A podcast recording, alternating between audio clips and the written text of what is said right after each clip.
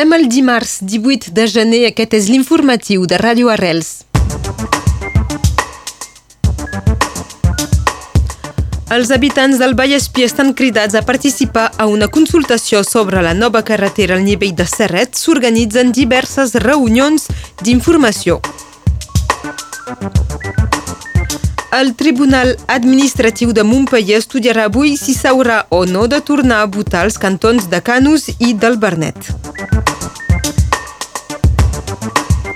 La jugadora catalana Alexia Putellas va ser designada ahir millor jugadora del món 2021 per la FIFA.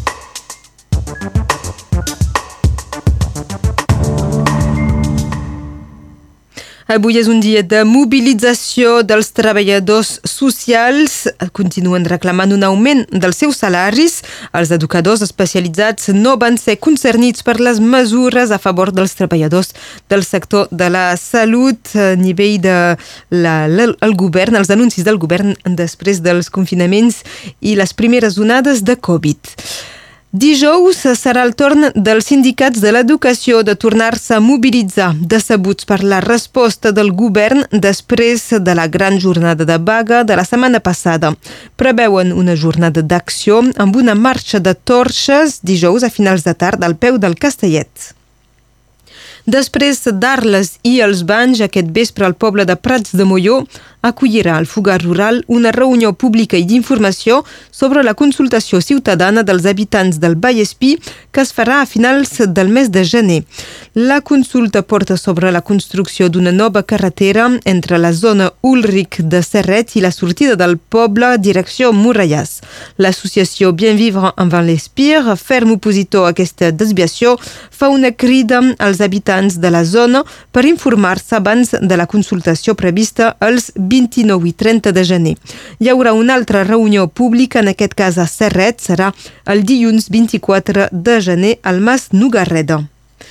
Aquest dimarts a la tarda, entre la 1 i mitja i les 7 del vespre, el poble d'Òpol proposa a la seva població de fer-se vaccinar contra la Covid directament en una sala municipal. És l'opció que alguns ajuntaments han triat per apropar els seus ciutadans als centres de vacunació. El primer adjunt al Vall d'Òpol, Jeremy Sardà, ens explica per què i com s'ha gestionat. S'ha plantejat amb la col·laboració de, de l'assurance maladie hem trucat i el darrer mes ens va fer una, una primera sessió a l'inici de desembre i ara l'assurance maladie ens proposa de, de fer una, una altra sessió per persones que tenen el vaccin o persones que no el tenen encara. És possible de fer la primera, la segona o la tercera dosi. A la sala Jean Jaurès, Carenau. Donc hi ha Pfizer i Moderna. Pfizer és sobretot per les persones de menys de 30 anys i Moderna és a partir de 30 anys. L'interès és que som un poble una mica excentrat, diré. Hi ha gent del poble que no tenen la capacitat de, de desplaçar-se i donc eh, hem, hem demanat fer aquesta vaccinació al poble, sobretot per a aquesta persona. I també per altres persones que tenen una cita, per una cita més tard dins del temps. Eren les paraules de Jeremy Sardà, primer adjunt al Vall d'Òpol. Es recorda que si sou interessats per aquesta vaccinació només heu de portar la carta vital, és gratuït i sense ordenança. El Tribunal Administratiu de Montpellier estudia avui dos recursos presentats contra els resultats de les eleccions departamentals en dos cantons, el de Canus i el del Bernet. El primer cas concerneix una queixa presentada per al binomi de centre-dret format pel Baia de Canus, Jean-Louis Chambon i Cristina Gavalda, que van ser eliminats a la primera volta. Consideren que un dels candidats del Rassemblement Nacional, Jean-Marie Dionnet, no podia presentar-se pel fet de ser director regional de les duanes setmanes menys d'un any abans d'aquestes eleccions. El binomi d'extrema dreta va passar la segona volta tot i perdre la segona contra Mathias Blanc i Françoise Chattard.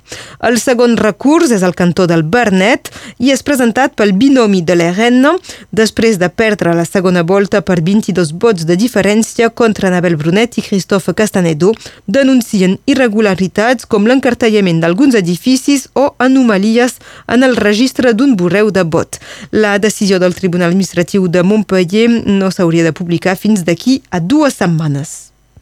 El polemista i candidat d'extrema dreta a l'elecció presidencial, Eric Zemmour, va ser condemnat a una multa de 10.000 euros per provocació a l'odi i injúries racials després d'unes declaracions a la televisió contra els menors sota tutela que va qualificar de robaires, assassins i violadors.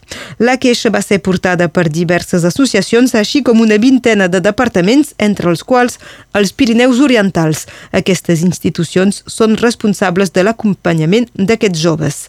Eric Zemmour ja ha anunciat que presentaria un recurs en apel·lació contra aquesta condemna. 29 cèntims és el preu d'una barra de pa als hipermercats Leclerc. El director de la companyia, Michel-Edouard Leclerc, ha anunciat que els seus magatzems bloquejaran el preu del pa a 29 cèntims durant 6 mesos per, segons diu, defensar el poder adquisitiu dels seus clients en aquest període de crisi sanitària. L'anunci ha aixecat les crítiques dels forners i dels agricultors que produeixen cereals. Tots denuncien una operació demagògica. És el cas de l'Albert Planes, forner al carrer Foix de Perpinyà. Per ell la barra de pa a 29 cèntims és clarament una operació de màrqueting. L'escoltem. Objectivament, el que m'ha inspirat és, és un geni, aquest home.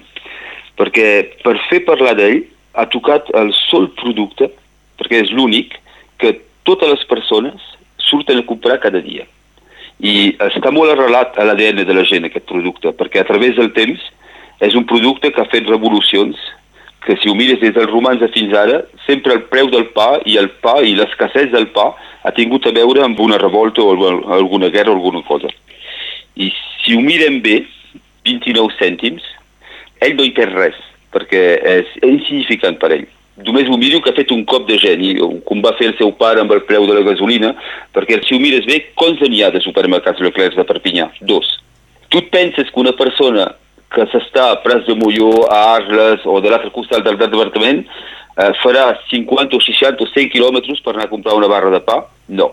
A ell el que li importa és tocar les fibres sensibles de la gent perquè vagin a mirant allà la curiositat i un cop has posat les mans en el carro la barra de pa li importa poc, és el que posat en el carro que li importa a aquesta persona. I el poder adquisitiu li és totalment igual, em sembla. Era Albert Planes, forner artesà al carrer Foix de Perpinyà. La barra de pa a 29 cèntims també ha indignat la FNSEA, el primer sindicat agrícola que denuncia preus voluntàriament destructors de valors. El toc de queda nocturn a Catalunya Sud s'acabarà la nit de dijous a divendres, ho ha confirmat la comissió delegada en matèria de lluita contra la Covid. Aquest dimarts el govern ha de decidir si hi ha més canvis a la resta de mesures com l'ús del passaport Covid a la restauració i als gimnasos, el límit de 10 persones en reunions socials, els aforaments reduïts o encara el tancament de l'oci nocturn. És avui que el Tribunal de Cassació de Bèlgica decidirà si confirma el rebuig de l'extradició del raper mallorquí Baltònic com ho reclama Espanya. Fins ara, la justícia belga sempre ha donat la raó al Josep Miquel Arrenes i, si avui també, la decisió serà ja irrevocable. En canvi, si el Tribunal de Cassació ho revisés, el cas tornaria al Tribunal de Gant, on hi hauria un nou judici. Baltònic ha estat condemnat a 3 anys i mig de presó per la justícia espanyola per enaltiment del terrorisme, injúries a la corona i amenaces a través de la lletra de les seues cançons. Aquest dilluns al vespre, el Parlament Europeu va retre un homenatge al seu president, mort fa pocs dies, l'italià David Sassoli.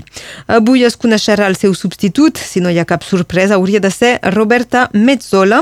És membre del Partit Nacionalista de Malta, advocada de professió i especialitzada en afers europeus. També es coneix la seva posició en contra de l'avortament. Per ser elegit, un candidat ha d'obtenir la meitat més un dels vots registrats registrats. Es poden fer quatre rondes de vot, l'última entre els dos candidats que hagin tingut més vots a la tercera ronda. El vot és secret i el resultat de la primera volta s'anunciarà a la partir de les 11 del matí. Continuem amb els esports, parlem de futbol. La jugadora del Barça, Alexia Putellas, eh, va rebre ahir el Premi The Best 2021 atorgat a la millor jugadora del món per la FIFA. La capitana blaugrana ja havia guanyat la pilota d'or.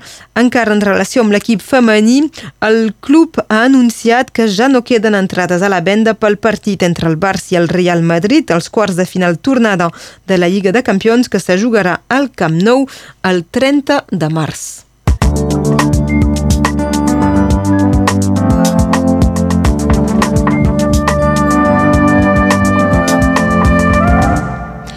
Passem a la previsió del temps amb l'Enric Balaguer.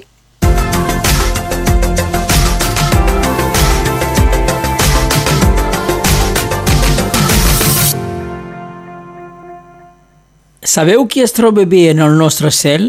És l'anticicló. Com cada matí des de fa dies, a algunes alçades, haureu de treure el gebre dels parabrises. I un cop passat les primeres hores del dia, podeu fer una cura de vitamina D i posar les ulleres de sol. El vent tampoc no us molestarà, serà capriciós i fluix. Sense gaire embogir els anemòmetres. Per les màximes previstes, 8 a Formiguer i Sautó, 11 a Sallagusa, a la falda del Canigú 10 a Saora al final del recorregut de la Castellana, 11 a Caià, igual a Mias i a Montescot, 12 al País del Sur o a Morellàs, 11 a Serrallonga, 10 a Òpol i 9 a Prats de Sornyà. El sol s'amaga a la Portella de Manteta a 2.352 metres a 17 hores i 47 minuts. El 18 de gener de 1941 s'inaugura el Museu Marítim de Barcelona.